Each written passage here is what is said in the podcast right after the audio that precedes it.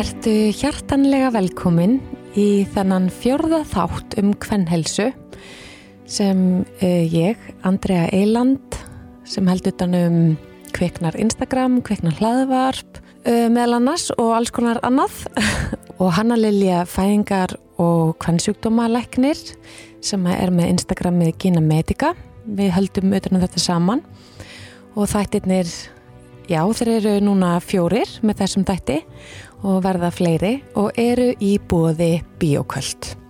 Og ég hef mælt með bíoköld mænd við ykkur sem er það klíma við heilaþóku, annarkvort út af, já, reynilega bara of miklu álægi, barnignum, já, sko bara þreitu alls konar og þetta virkar og ég hef sagt ykkur frá því hérna í fyrir þáttum. En í dag ætla ég að nefna bíoköld prókjan Þetta er hérna með bleika blóminu að því að við tölum um í þessum þætti að uh, breytingaskeiðinu getur fyllt og sérstaklega eftir breytingaskeið getur fyllt vakfæra óþægandi. Þannig að þið líði eins og sérst að fá blöðurubulgu eða sérstnöf blöðurubulgu og mögulega er það ekki svo list, mögulega ert ekki með bakteríur. Og þá er svo mikilvægt að taka inn töflur. Og þetta getur líka gæst eins og á meðgöngunni og prókían er fyrir hérna líka konur á meðgöngu. Að það er svo mikilvægt að bara við halda eðlilegri flóru í þagrásunni til þess að koma í veg fyrir þessu óþægindi að því að stundum við verið að gefa okkur síklarlif sem að þarf ekki, auðvitað verður vel að tjekka en annars ef þið eruð bara næmar fyrir blöðurbólgu að taka þessar töflur daglega til að viðhalda eðlilegri flóru. En sérst brókjan inniheldur uh, þrývirka formúlu að vinnveittum gerlum, trönuberaþykni og A-vítaminni. En hlutvar gerlana og A-vítaminsins er að hjálpa líkamunum að viðhalda eðlilegu bakteríumagni í þörmum og eðlilegri starfsemi í þvarásakerfunu. Og náttúrulega að því að þessi þáttur er um breytingarskeiðið og við komum inn á akkurat þetta að þetta getur verið eina mörgum aukaverkunum að þá mæl ég með því að þið prófið og aðtöði hvort að þetta virki fyrir ykkur. Og þeir sem eru uh, óleittar þetta má taka á meðgöngu og það, það er einmitt á meðgöngunni sem við verðum viðkvæmari fyrir óþægendum í það rásinni en svo eru trönuberi í þessu líka og þau eru þekkt sem fyrirbyggjandi meðhendlun gegn þakkfæri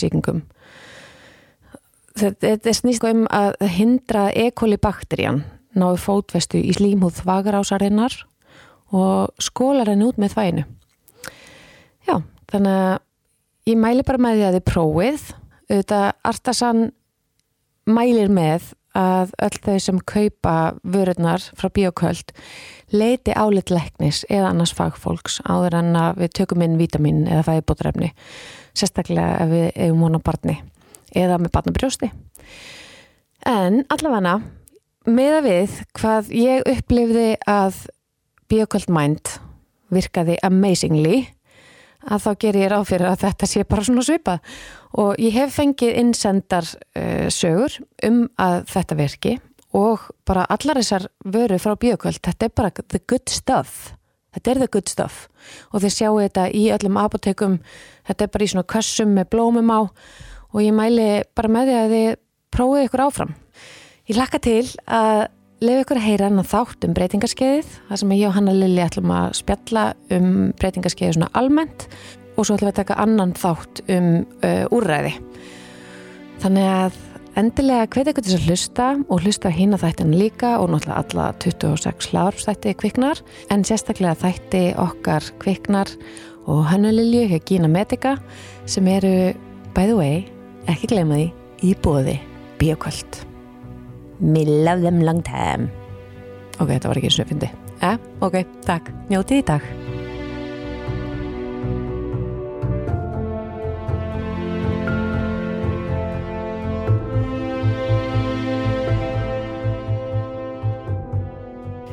Yes, Hanna Lilja. Nú Já. erum við komnar í fjörða þáttin okkar um hvern helsu Ótrúlegt. Já, minnst við bara að vera nýbyrjar Já.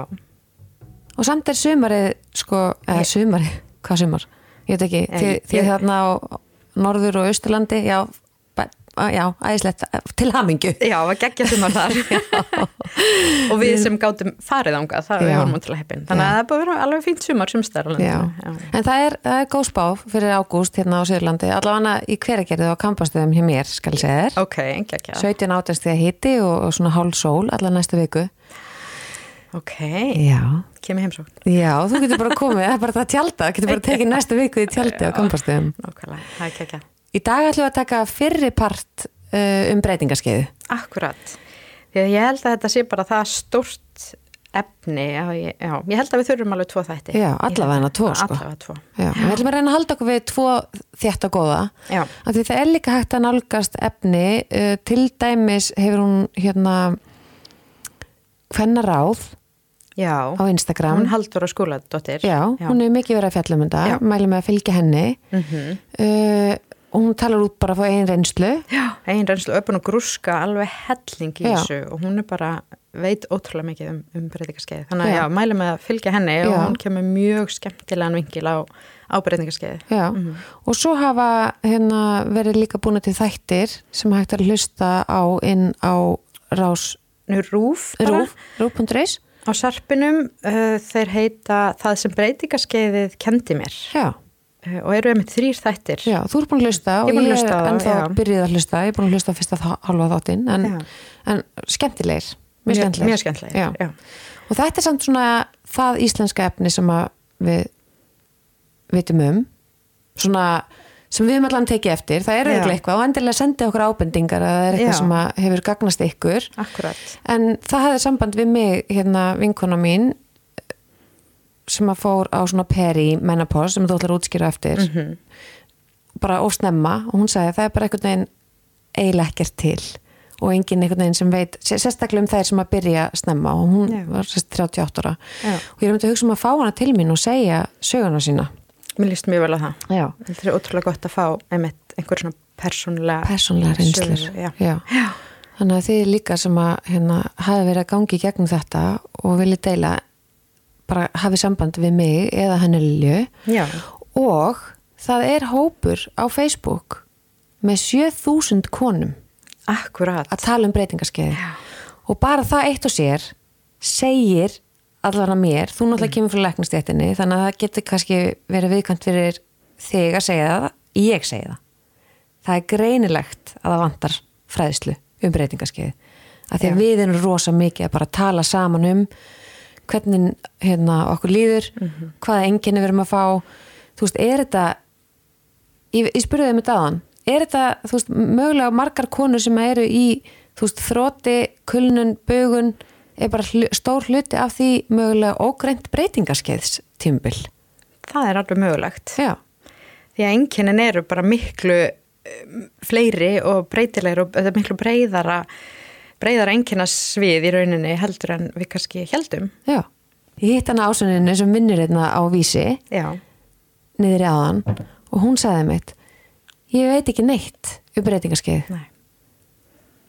Það, það vantar alveg upplýsingar um þetta. Það vantar svona að, aðgengilegar upplýsingar uh, fyrir, fyrir konur en líka fyrir bara maka uh, og, og bara aðstandendur hvenna sem er að gangi gegnum þetta tímabil. Já, það er, það er líka mikilvægt að, að, að aðstandendur þekki til einkennana og séu þá kannski aðeins umbörðalindari Já, akkurat. þannig að þetta er ekkert bara fyrir okkur konur sem gangum í gegnum þetta heldur líka fyrir fólki í kringum okkur. Einmitt. Ég held það sem er mikilvægt. Einmitt, ok.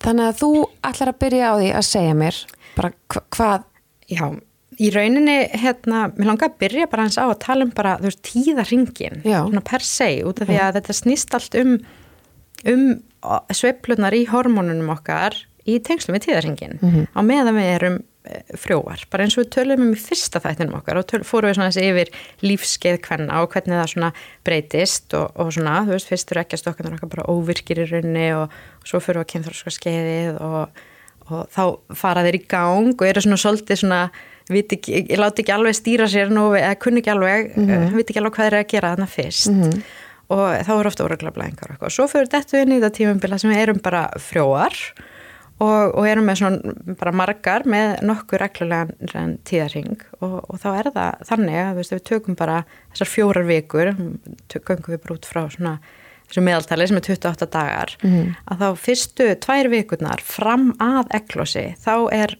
östrogenið í rauninni mest svona ábyrrandi mm. mest hérna, ríkjandi hormónið fyrir hluta tíðaringsins mm.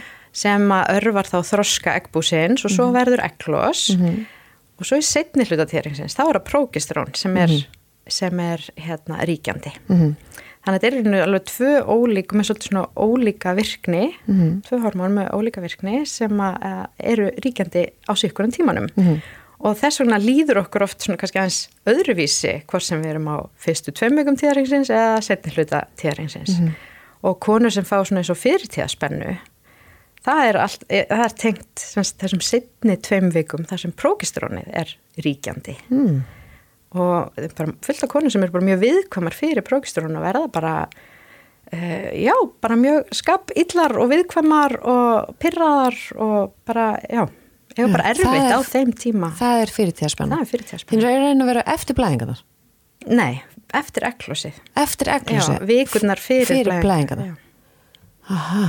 Mm -hmm og, og prókistrón, það er svolítið svona Ég, ég tengi náttúrulega þetta sko. Já, ég, ég, ég líka.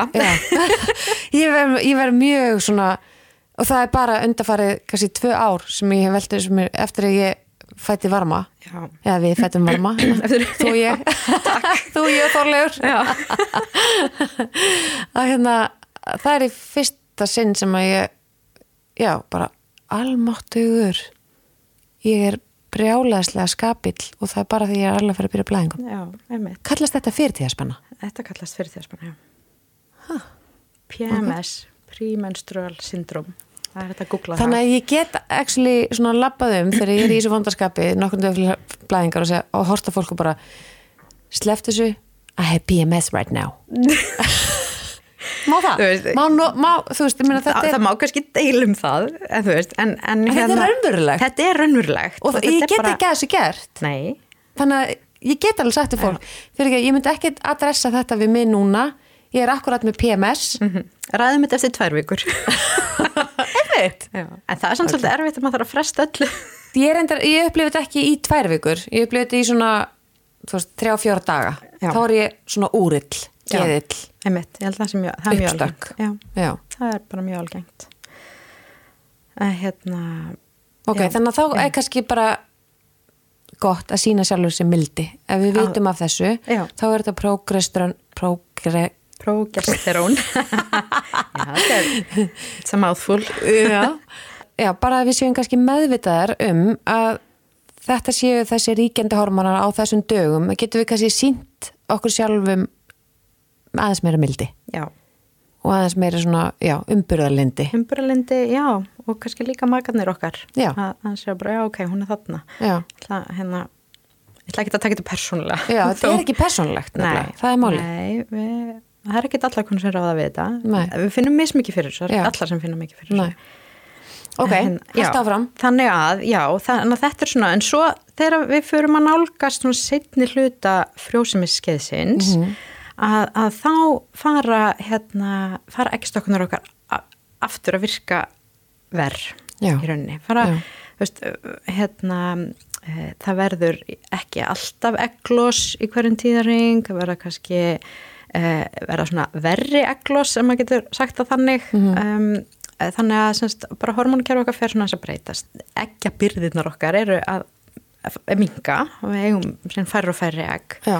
Og, og þá fer líka hormonakerfið okkar að verða svolítið svona óröglegt og hérna, já en, en með prókistrón að hérna það er líka í rauninu svona svolítið svona hefur róandi áhrif á okkur líka. Mm. og gerir það verkum okkur langa kannski líka bara að vera svolítið bara heima og kannski brí svolítið kósi í staður að vera, við erum ekki eins kannski aktívar og ekki eins mikið til í að fara út í félagslegar aðstæður og sosialæsa og svona mm. á þessum tíma og þetta er allt tengt í að þú veist, ef að það hefði orðið frjókun mm. eða verður frjókun mm. þá er þetta náttúrulega tímabilið það sem að hérna, fósturvísin er síðan að verða til og er að festa sig í slímhóðinu og svona þá er líka mann bara að gera okkur svona svolítið svona rólegri og þú veist, við viljum bara vera svolítið í okkar hýði Vá, magnað.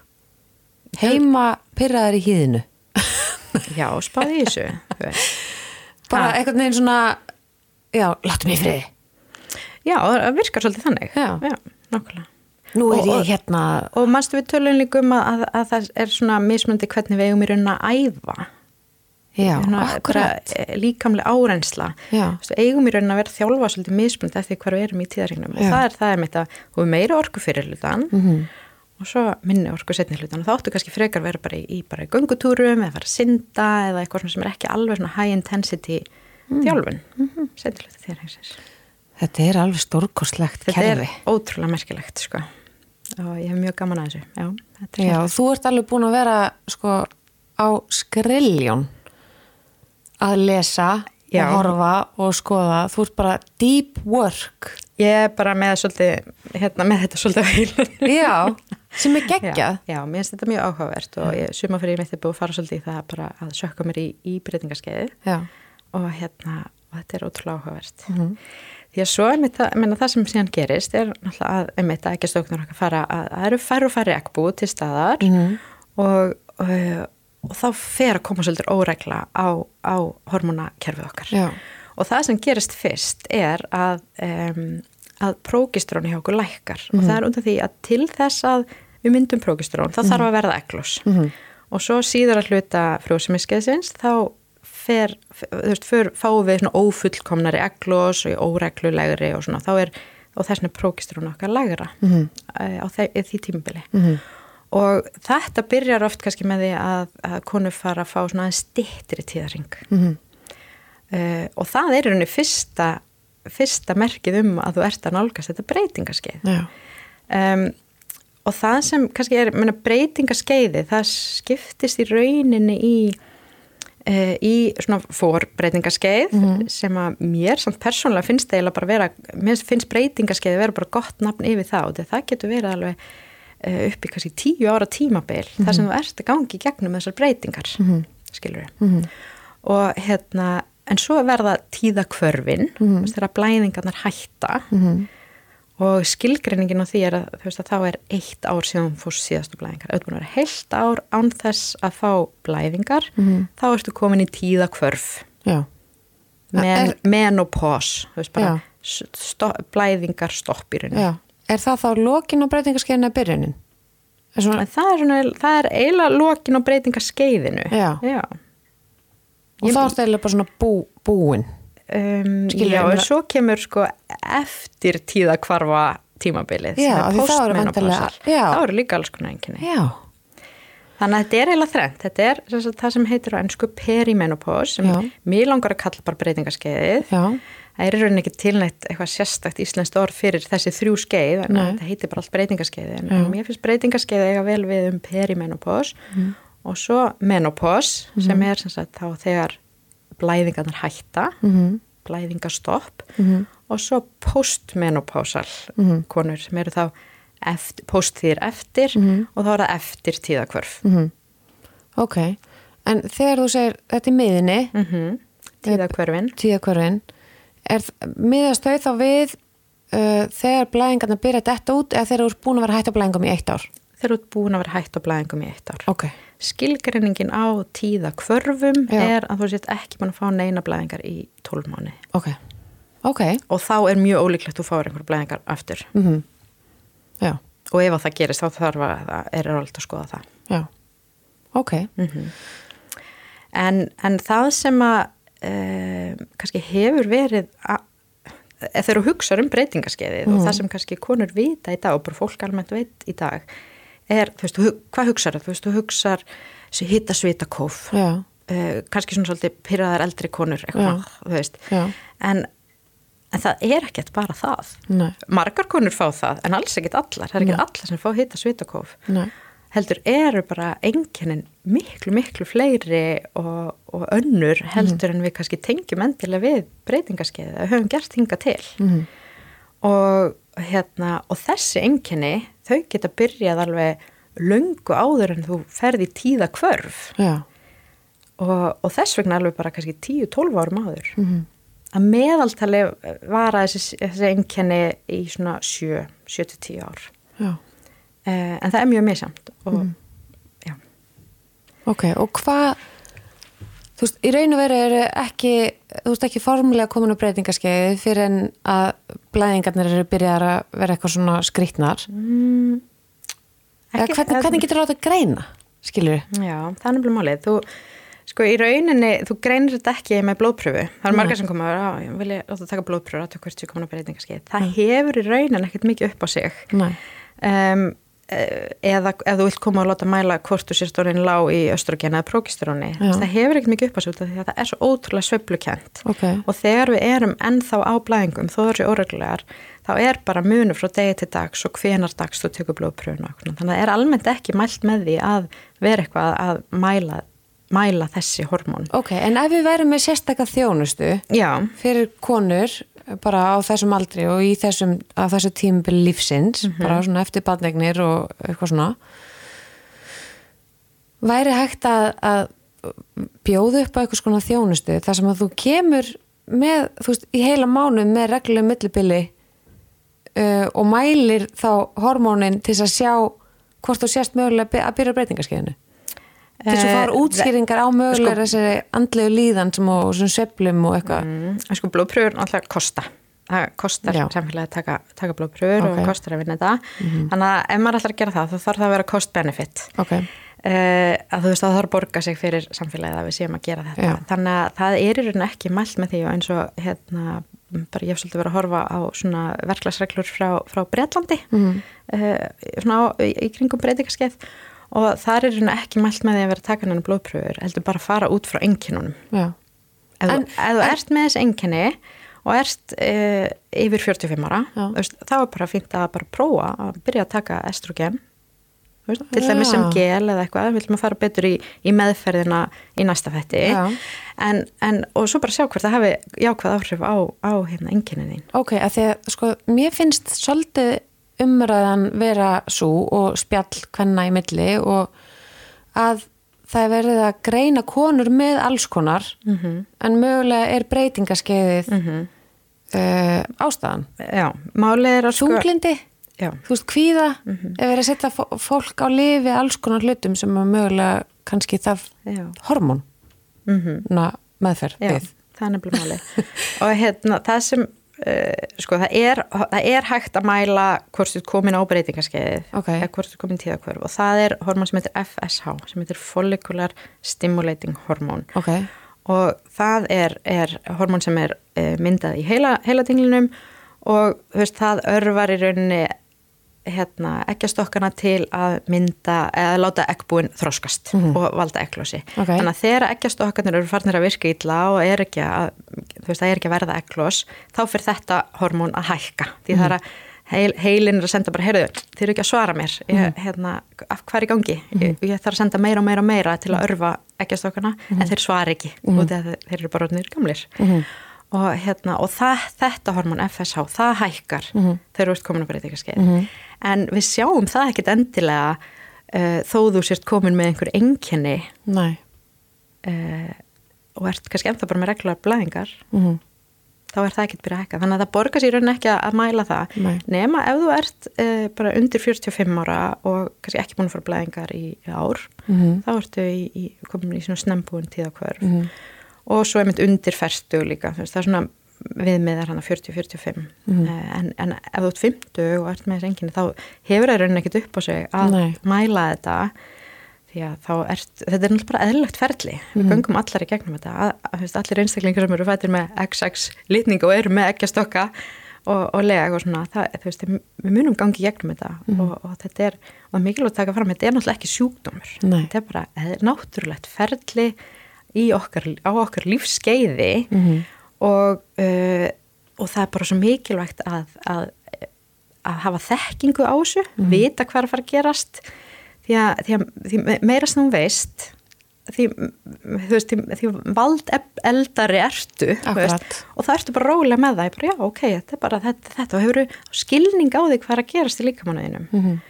og, og það er það sem er svo mikilvægt blóðpröðunar skipta kannski ekki allir máli Nei. en bara þú skiljir aðeins hvað er í gangi og vitir að það er hjálp að fá mm -hmm. ef það þarf uh, og það eru mismunandi meðferðir sem við ætlum mm -hmm. að mhm. taka setna og hérna uh, og svo bara er þetta svolítið svona bara taka þessu og læra, læra svolítið að lifa með þessu Mhm. og svo yfirleitt gengur þetta yfir Ok, en segðu mér þá, hver eru til dæmis einkennin? Nei, það er nefnilega málið að hérna um, sko maður heldur alltaf að östrogen sé bara um, svona kyn, það er kvenn kynhormón Já, og margir tengja það bara einhvern veginn við leið og ekki stokkarna á píkuna og, og svona.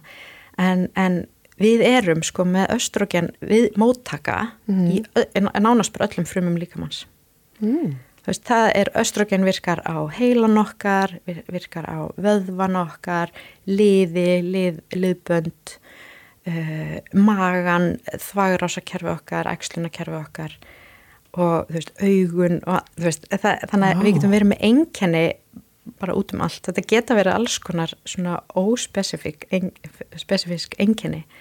Um, þreita, heilaþoka, uh, sem er oft talað um, höfuverkur, um, kvíði, Mm. kvíði og, og bara svona veist, kona sem er bara sé, prime time of her life þú veist, og, og bara gengur vel í vinnu og starfi og svo bara allt í henni bara úf, ég er ekki að kópa við lífið, ég bara er ekki að höndla allt sem er í gangi, þetta er svona klassist enginni og hérna e, verkir vöðvaverkir, liðverkir e, svefntrublanir e, þurr húð kláði uh, augnþurkur, leggangaþurkur það kemur líka.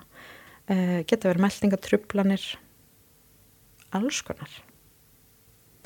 Um, en þetta er náttúrulega líka eitthvað sem getur alveg verið orsakað einhverju öðru þannig að þetta er svona svolítið það er svolítið erfitt að vita hvað kemur hvaðan en, en ef þú ert að fá þessi einkenni á, á þessum aldri þá er það alveg þessi virði að, að, pæla allavega í því gæti verið að þetta væri tengt þegar ég væri að byrja breyningaskeiðinu Mhm.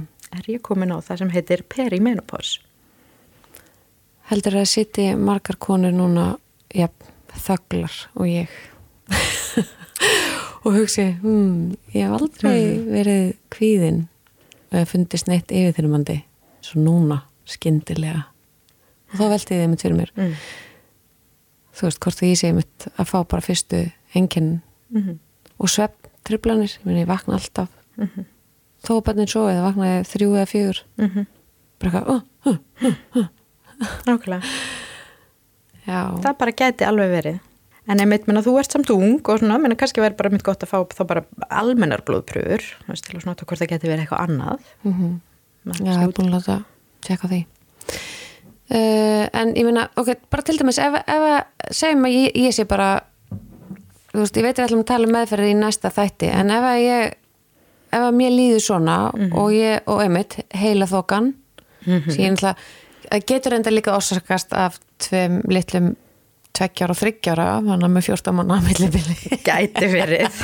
Bara mjög líklega. En þetta er kannski, kannski að renna saman við það líka. Ég er, veist, að vera 41 í haust og svona. Já, en ef það er, veist, fleiri konum að núti sem akkurat líður eins og mér líður núna og er svona velta þessu fyrir mér. Þú veist, getið til, til dæmis prófað getið farið til heimilisleiknis og sagt þessu hérna, ég vil endilega prófa að fá hérna hormón, eða þú veist, byrja ég bara á pillunni eða?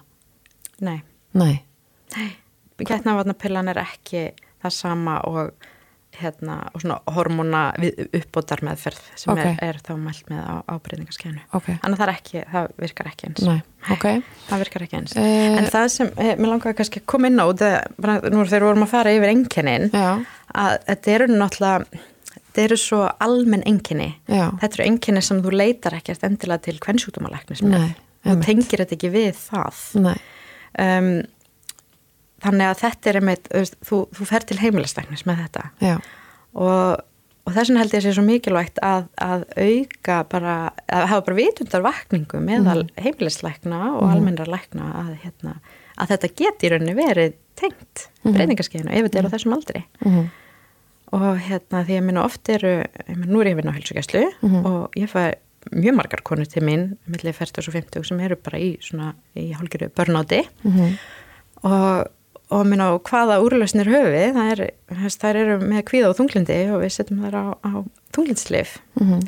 Uh, en ef að þetta er tengt breytingarskeiðinu þá er þunglindislif í rauninni ekki rétta meðferðin. Nei, að hérna þannig að þú veist, þá þýrstöðurinn frekar að fá östruginu uppbútt mm -hmm. sem myndi þá kannski hjálpa þeim betur mm -hmm. um, þannig að þetta er svona þetta er pínu flókið en, en eins og segið, þarf samt líka við höfum þetta verið búin að þá útlöka að það sé ekki þá tengt einhverjum öðrum kvillum mm -hmm. getur verið með vanverskan skjaldkistil eða einhverjum byrjandi síkusíki bla bla bla mhm. Ok, þetta er alveg smá mikið að melda -hmm. held ég fyrir og fyrir hlustandunur okkar -hmm. sem að hafa ákveðið að setjast niður hlustana þátt, þá er það mögulega því að þeir eru að velta þessu fyrir sér. Mm -hmm. hérna, og vonandi láta líka makan sína hlusta. En það, það er alls konar vangveldur veist, sem koma upp í höfuðis og uh, mér finnst þetta svo viðamikið og mér finnst þetta svolítið svona yfirþyrmandi mm -hmm. og líka kannski tengt einhverjum svona fordómum sem mér finnst konur þessum aldrei verða fyrir. Uh, einmitt að vera þú veist, fúlar og sveittar og þetta og og þetta er svona, þetta, já, þetta er svona fullt af fordómum gagvart konum á þessum aldri sem ég held að gera það ekki auðveldara að mögulega annarkort að leita sér aðstofa með að fá að vita hvort þú sést að breytingaskeiðinu eða yfir höfuð að tala um það. Mm -hmm. af því þá er eitthvað svona, já oi, þú veist þú bara byrjar, bara að byrja breytingaskeiðinu bara, það er bara eðlilegt bara að díl við þitt en, en það, það er alveg hjálp að fá það er meðferð og það er, það er hægt að gera þetta að díla við þetta frá sjö upp í 11 ár eða 5 mm -hmm. upp í 11 ár, skiljuðu mhm. meðaltalið 7 ár mm -hmm. þetta er rosalega langur stór partur af lífinu Já þannig að ef við líka og bæði þá þú veist, yngri konur mm -hmm. og eldri konur með reynslu mm -hmm. þú veist, ef við náum aðeins að þú veist, tala svona meira um þetta mm -hmm. sem eitthvað bara stórum part af lífinu, alveg eins og getna meðgangu, fæðingu, sengulegu að, að þá kannski náum við að já, eitthvað einn svona með ekki þetta orð normalisera en, en en þú veist samt, jú. Við þurfum samt að normalisera þetta. Já. Því og, þetta er eitthvað sem við gungum allar í gegnum. Já. Og, og já, þetta er, einmitt, þetta er bara eðlur hluta því að vera hérna, kona, vera kona. Og hérna og við megum ekki gera þetta eitthvað svona tabú Nei. við verðum að af eh, já, af tab af tabúvísera It's not even a word okay. Það má alltaf búa til ný orð Ég á vinkonu sem er málfræðingur og það er alltaf tekið til skoðana reglulega þegar ný orð komin á markaðin Ok, sem bara við verðum að normalisera þetta Já. tímambil Já. því að við gangum allar í gegnum þetta mm. og, og, hérna, og þetta er ekkert eitthvað ræðilegt Nei. og við meðum heldur ekki ræða ungu konurnar Akkurat. sem e eigi þetta framundan mm. þetta má ekki vera bara eitthvað skelvilegt Nei Um, þetta er svolítið eins og með fæðingasögurnar við heyrum bara vondusögurnar því vitið það að það er fullt af konur sem bara fara bara mjög öðli gegnum þetta tímubil mm. og eru bara ekkert uh, já, þetta er ekkert að hafa svo mikið orðið að sko. eru bara glæðar sko. að vera hættar túr já, og... já, nákvæmlega. Og það var svo flott einmitt í þessum þætti það sem breytingarskeiði kendi mér inn á mm. rúf mm. að hérna að þar var viðtal við þrjár konur sem voru sem sagt komnar yfir þetta tímubil og svo ég, þetta var uh, þetta var veist, þetta var svolítið svona flóki tímbili það er svolítið talað um þetta eins og svona uh, annað kynþorskaskeið og þeir eru ert úlingur mm veist, þá ertu alveg hérna út upp og niður og nú átt þú stelpur á þessum aldri. Já. og hérna Við reynum bara að sína þeim mildi út af skapsveiflunar eru upp já. og niður og ég veit ekki hvað hvað, þetta er rosa mm. erfitt og þú veist kannski ekki, þú ræður ekkert við þessi tilfinningur þú veist ekkert hvað gerast Nei. það gerist svolítið aftur já. á þessu tímabili mm -hmm. út af því að það er bara svolítið óregla á hormonakjöruninu og heilindin er að aðlagast því að eh, hormona magnið er ekki það sama mm -hmm. og það breytir eftir frá degi til dags og þú veist ekkert hvað er upp eða niður sko. og mm -hmm. bara stundur líður þér allt í hennu bara ógisleitla og þú bara skilur ekkert af hverju, það gerðist mhm. ekkert þú bara mhm. vaknaði þannig um, en svo þessar konur þær töluðum að síðan þetta var búið mhm. og þú varst komin hinum einn við þetta í þetta postmenopásil eftir tíðakurinn þá kom bara aftur svona ah, svona lokn og mér fannst það svo fallegt hvernig þær töluðum að bara ok, það er þetta breytingaskeið þar sem þú ert að gangi gegnum þessar, þessar sveiblur og svona. En svo eftir það, þá kom bara svolítið svona jafnvægi. Mm -hmm. þú veist, laus við blæðingarnar þú veist, laus við þessar, uh, þessar sveiblur og, og bara veist, já þær töluðu svolítið um að vera, svona, vera lausar undan feðraveldinu sem var svona svolítið skemmtileg pæling að þú varst ekki lengur þessi svona kynvera að vera frjó og eitthvað svona, þú varst bara komin yfir það og bara og og þær voru bara fullar að sjálfströsti og bara hefði aldrei liði betur og Mm. þetta fannst mér svo fallegt Já. ekki líta á uh, þetta tímabil sem eitthvað bara nú er ég bara að fara að hörna nú er bara allt búið og allt niður á við, heldur bara emmitt, heyrðu, hann er bara, ég þarf ekki lengur fara blæðingar, ég er bara frjáls. Já, og við verðum líka bara uh, sko, líta á svo konur sem öðruvísi kynverur. Ekki kynverur til sko, innan gæslappa undaneldis kynverur.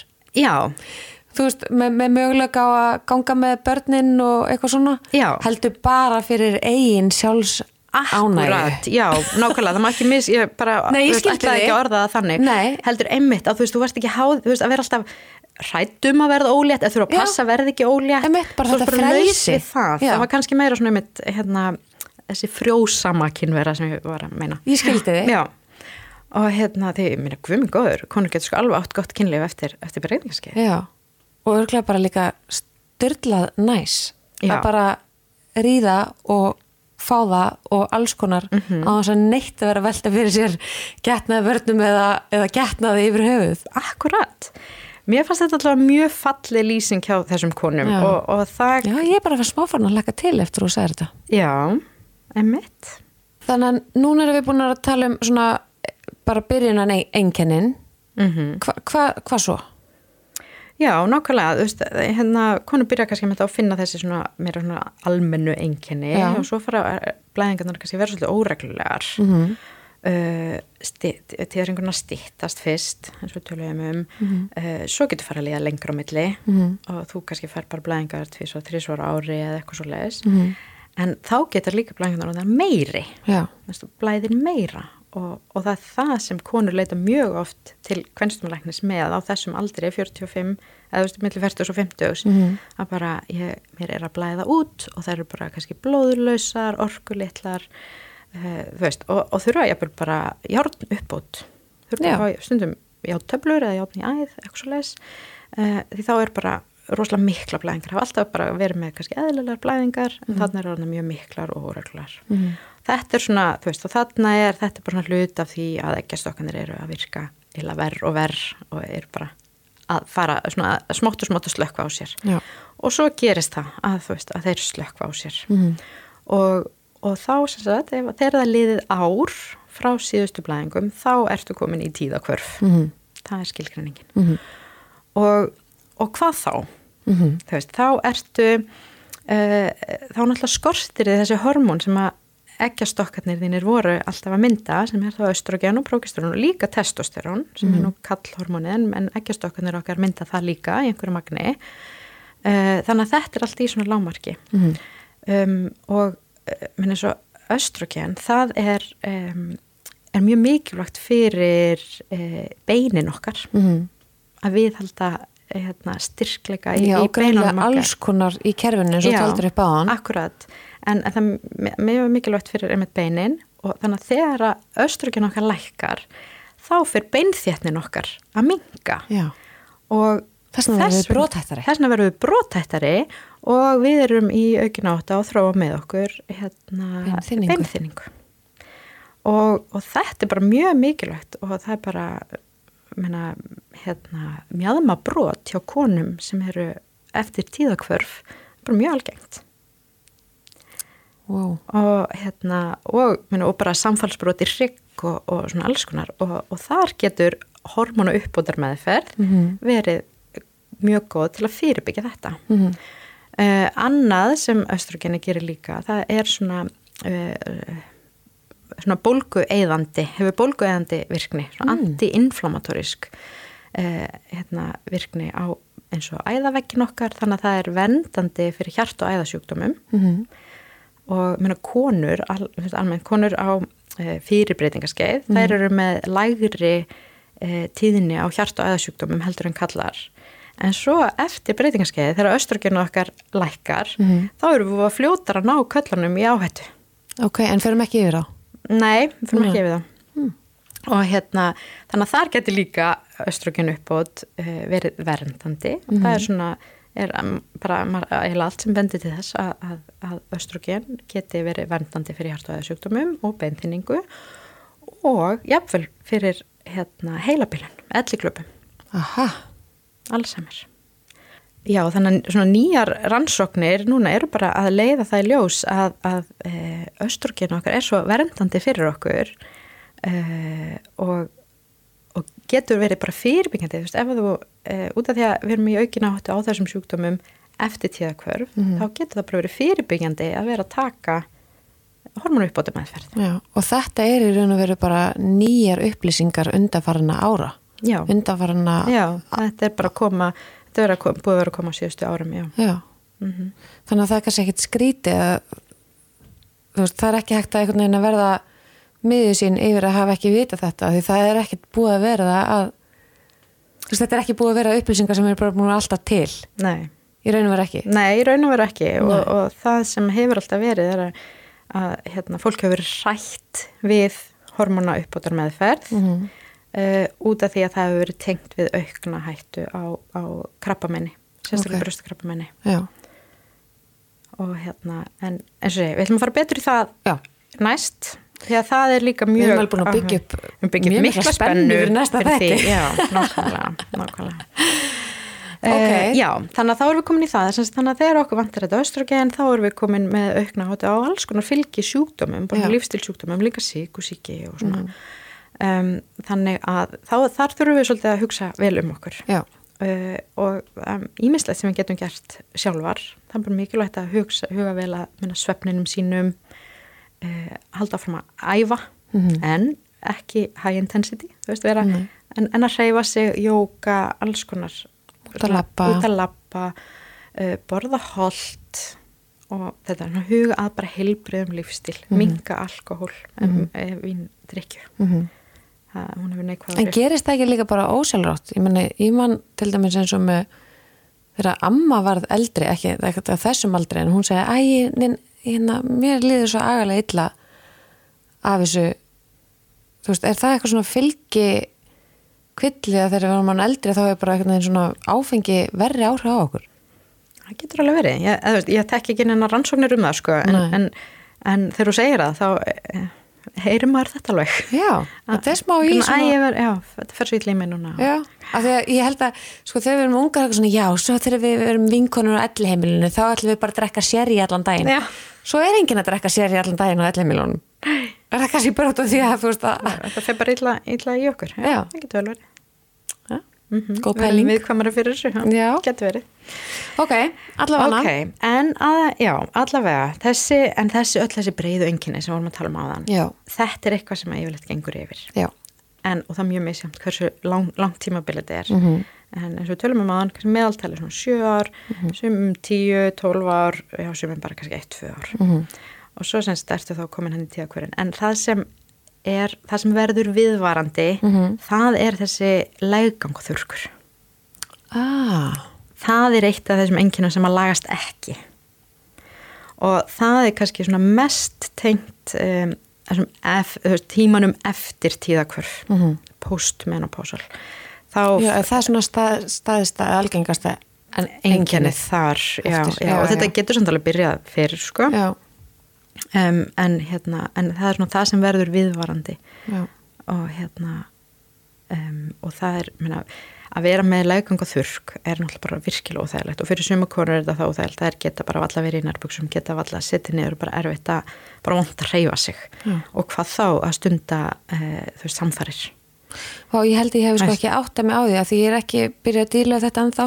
Ég held ég, þú veist, ég get ekki sett mig í þessi spór af því að, en það, það á sama tíma hugsa ég vá hvað hérna, einhvern veginn þá ég lifi mikil forrættindi að vera ennþá bara þú veist, af því ég pæla ekki dýði hvort að píkan á mig sé bara smörð svona dagstæðilega, skilur en greinlega er hún það að ég finn ekki fyrir neinum óþægendum Nákvæmlega, já, og þetta er eitthvað sem við kannski þekkjum ekkert fyrir en við mitt komum já, á þetta tímabill og tökum bara sér sjálfsögum hluta, við séum bara einhvern veginn Já, smurðar á neðan bara dagstælega Já, en margar konur finna þetta líka um, til dæmis þegar þeir eru með bann á brjósti því þá eru við líka með látt östrogen. Já. og eru svona þurrar svona viðkvamara neðan með kláða og þægindi og kannski óþægilt að stunda kynlíf og eða samfarir uh, á þessum tíma því að östrogen er lægra. Mm. og það sem er áhugavert með beinþýninguna líka að mm. beinþétnin okkar, hún mingar líka þegar við erum bannabrjósti en svo bara fer hún upp aftur um leið og við erum kominar aftur í, í tíðarengin sko að hérna Þannig að östrogen hefur ótrúlega mikil áhrif Já. á mörgum stöðum í líkamannum okkar. Mm -hmm. en, hérna, en þetta með lægangaþurkin, um, þetta hefur líka áhrif á sko, bara slímhúðina bæði í lægangum og á ytri kinnfærum, bara á píkunni Já.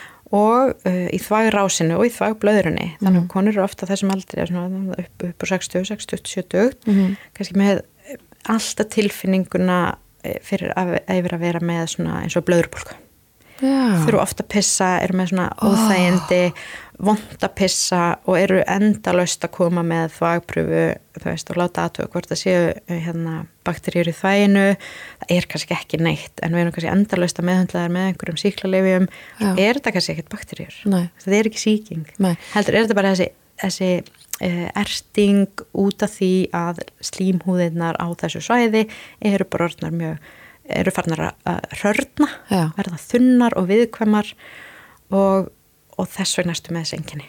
Ok, en þá má til dæmis uh, þegar við erum þá komnar á þetta tímubil og, og náttúrulega það sem að hafa verið með eitthvað svona blöðurbolgu enginni mm. eða, eða þú veist já, hvað, hvað sem er svona viðkvæmari fyrir einmitt að fá blöðurbolgu og það færi syngar og svona já.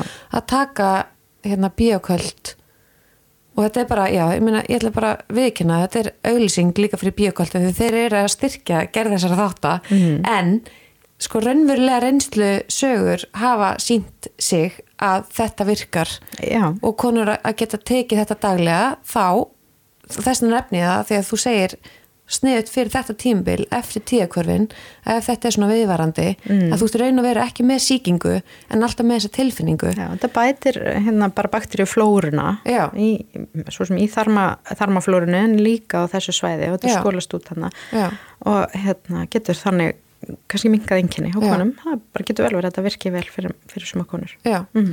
Þannig ég ætla allavega að, þú veist, bara benda ykkur á það. Ég hef ekki hérna reynslu að því sjálf, mm. en hef fengið inn reynslusögur gegnum kviknar Instagrami. Akkurat.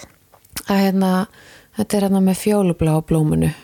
Það, það sakar ekki að, að, að prófa það. Nákvæmlega. Tjekka því. Mm. Já, en að öðru leiti þá, Já. þegar þessi tíakvörf eru búin, mm -hmm. fyrir utan þessi svona möguleg enginni, og, og svona viðvarandi í raun og vera enginni mm -hmm. sem mhm. að þarf að einhvern veginn bara að lifa með og reyna að finna sína leiðir til þess að Já, en, en það er líka meðferð að fá. Það er líka meðferð. Það er líka meðferð að fá, já. Okay. Og bara staðbundin östrogen meðferð er bara geggið við þessum enginum og bara bjargar lífi margra hvenna, eða bætir lífskeiði já. mjög mikið. Já. Og hérna, og ég vil fara bara nánar út í það í næsta mm -hmm. netti. En, en þannig að þú veist, breytingarskeið við, við, við ættum kannski bara aðeins að tala um að þetta, þú veist, auðvitað getur þetta verið erfitt og krefandi tímbil en þetta getur líka verið frelsandi mm -hmm. og við förum allar í gegnum þetta Nákvæmlega. þannig að við ættum að tala bara ennþá meira um þetta og, og þú veist, ég gerir áfyrir kannski í hérna hvenna klubum sé þetta gert þegar við erum komin á ákveðin aldur og svona. Mm -hmm. en sumar akkur eru náttúrulega fyrir og aðra eru setna og, en það er um að gera að tala um þetta við konur sem að til þess að tengja mm -hmm. til þess að, að því að við getum skili hver aðra. Já, akkurat. Og líka bara veist, taka þetta upp um mitt við læknininn bara, heimilistaknir er bara í rauninni fyrsta stopp með mörgæsum enginum Já og að taka samtalið og ef að þér finnst uh, læknirinn ekki vera að skilja þig eitthvað fá þá bara kannski samtali við einhvern annan. Um, leita einhverjum sem er svolítið á þessari línu og, og, og taka samtalið. Því að sko áður fyrir þá, mennum við förum á breytingarskeið bara í rauninni svona svipum tíma og við hefum alltaf gert mm -hmm. en við lifum lengur. Já. þannig að þetta er svo langur tími sem við í rauninni erum í, í þessum hormonaskorti og hérna og, og þannig að minna ef þú ert að gangi gegnum þetta breytingarskeið þannig bara millir 40 og 50 þegar þú ert bara uh, við raunum verið bara, bara mjög, ekki eins og hálnuð þú veit ekki eins og hálnuð og þú ert bara börnin kannski, þú veist ef þú ert búin eignast börn, þú þau eru svona aðeins orðin uh, stálpaðri Já. og þú ert aðeins frjáls og getur fara að embeta þér að að hérna starfsframanum þínum, Já. þú ert kannski bara frábæra stað í vinnunni og þú elskar það og, og þú ætti aðeins meiri pening, þú mm -hmm. tíma til að ferðast með makanuðinum, þú veist, whatever mm -hmm. uh, og svo bara allt innu krassaru Já. út af því að östrogenið þetta er, er fara að lækka og, og, hérna, og þú bara þarfst að hætta að vinna og mm -hmm. þú veist Já, þetta hefur svo, þetta hefur svo mikil áhrif, þannig að leita að þér hjálpar mm. því það er hjálp að fá mm. uh, fáðu samtalið, mm. uh, að taktu samtalið og, og þú veist skoðaði mögulegana, það er líka alls konar upplýsingar á netinu mm. og mér langar að benda þar á themenopause.doctor.co.uk mm -hmm. uh, sem er breskur hérna, heimilisleiknir sem er svona uh, sérfræðingur í breytingaskeiðinu og hún er búin að vinna ótrúlega flott starf um, og bara mæli með því að fyrir þá sem eiga öll með að að kafa dýbra öll með, þetta er alltaf ennsku ja. Uh, það er alls konar, það eru vídeo, það eru podcast, það eru greinar, það eru mm. hérna svona bæklingar fyrir, fyrir fólk og, og já, bara alls konar góðar upplýsingar, mæli með því að kíkja þar. Já, að því að, og, og náttúrulega í raun og veru fyrsta skrefið það að við bara spurjum okkur. Mm -hmm þú veist, getur mögulega verið að ástæðan fyrir að mér líði svona er mm -hmm. byrjunin á þessu Já. og svo getur við byrjað að hlusta og kafa dýbra og lesa okkur til um og eitthvað svona því að mm -hmm. ég held að þetta sé ekki fyrsta hugsunin þú veist, eitthvað breytingaskeið að því að þetta er búið að vera svo viðvarandi með að þetta sé bara eitthvað bara hýta svitakof hýta, já, hýta svitakof sem það mm. er bara alls ekki það eru svo mörg enginn svo miklu meir en bara það já. Já, og þá einmitt, eins og segir byrja að tala um með vinkonur þú veist, fara inn í þessa hérna, Facebook-kópa mm -hmm. hlusta hlaðvörpin og fylgja Instagramin sem við hefur verið að nefna Já. og allt svona mm -hmm.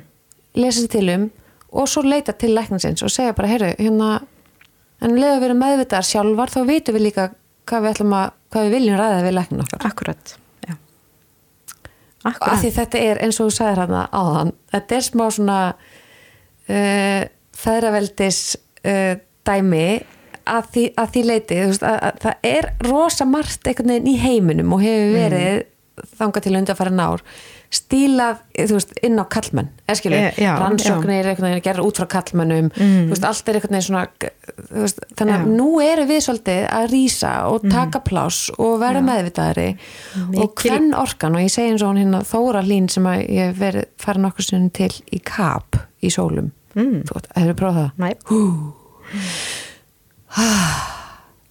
hún bara hjálpa þér að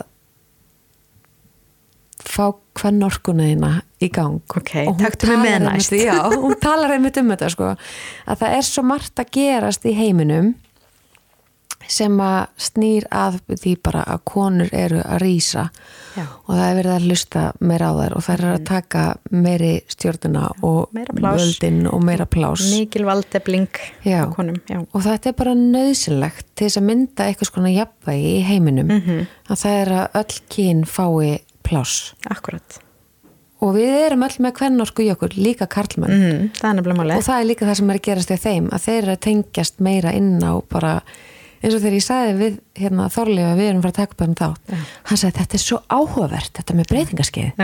Og hann var, sko, hann var umverulega meynda og ég sagði vákvæði ég hlekka til að, að hann hlustur á þetta. Því nú er hann bara konu sem að, á næstu tíu árum er að fara inn í þetta skeið.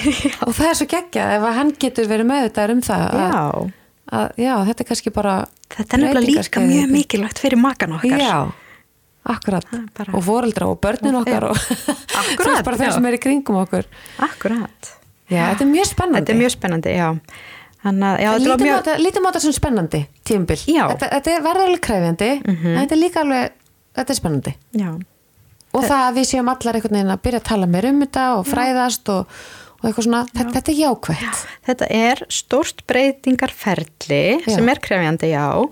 En það er þú veist, þetta er transition, breytingin yfir í bara næsta tímabil Já Veist, það var líka þannig þegar við fórum á, fórum á kynþróskaskeiði það var hérna, breytingin yfir í það að verða eh, frjó já, veist, frjókona, og, frjókona. Mm -hmm. og nú erum við að veist, og svo næst, nú segir nú þegar ég líka nálgast en aldur mm -hmm. um, að hérna, ég breyfir í næsta tímabil já. og við eigum bara að hérna hylla öll tímabil Já. í lífin okkar ekki þannig til að bara sakna uh, þess sem var heldur Nei. líka bara fagna því sem er að koma því Já. það er bara já, ég vil bara ný tækifæri í því mm -hmm. Akkurat. Þannig að það sem er mikilvægt að við bara ekki vera hrættar við þetta tímabil Nei. uh, sumar fara mjög auðveldi í gegnum þetta uh, aðrar fá meira enginni og þetta getur haft bara uh, langvarandi áhrif Mhm. en ekki vera feimin við að tala um það Nei. Tölum um þetta allt saman. Já. Alveg bara bla. og ef þú hefur engan, engan nálægt þér til að tala um það má bara senda mér skilabóð eða Já, í Já. við erum hérna til að hlusta Já. að því oft eins og með allt annað eins og margt annað í lífinu oft snýst þetta líka bara um að fá að segja hvernig okkur líður og þá Já. líður okkur strax betur mm -hmm. það þarf oft ekki meira til sko Já. bara segja einhverjum sem við treystum einhverjum góðum, góðu einu eiraða tveim Nákvæmlega. Mm.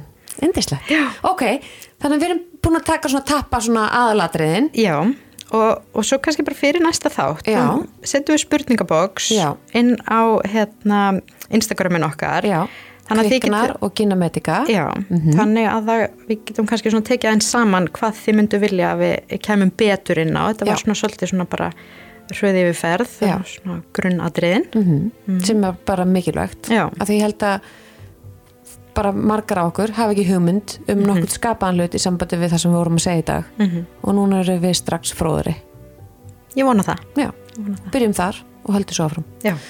aðeinslegt takk fyrir leiðis. í dag Takk sem leiðis. það er aðeinslegt, þú ert aðeinsleg Takk sem leiðis. Já, ég fílaði líka. við, við erum góðar saman. erum góða saman takk kæri lustendur heyrumst aftur setna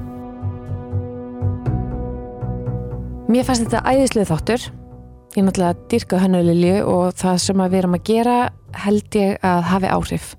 Og endilega ef að ykkur langar til þess að koma ykkur uppástungur eða hafi ykkur aðtöðsemdi við þættina eða ykkur spurningar, sendið þið á kviknar eða Gina Medica á Instagram. Uh, og svo eru þættinir í bóði bíkvöld. Og farið út og kaupið bíkvöld og prófið Þetta er svo mikilvægt með þess að gerla í þar- þarmaflórunni og þetta er bara gott fyrir heilan, þvagrásuna, uh, magan og bara, já, bara hvet ykkur, endilega í halverðin talað og takk innilega Artasan uh, Bíoköld fyrir að styðja okkur við gerð þessara þátta.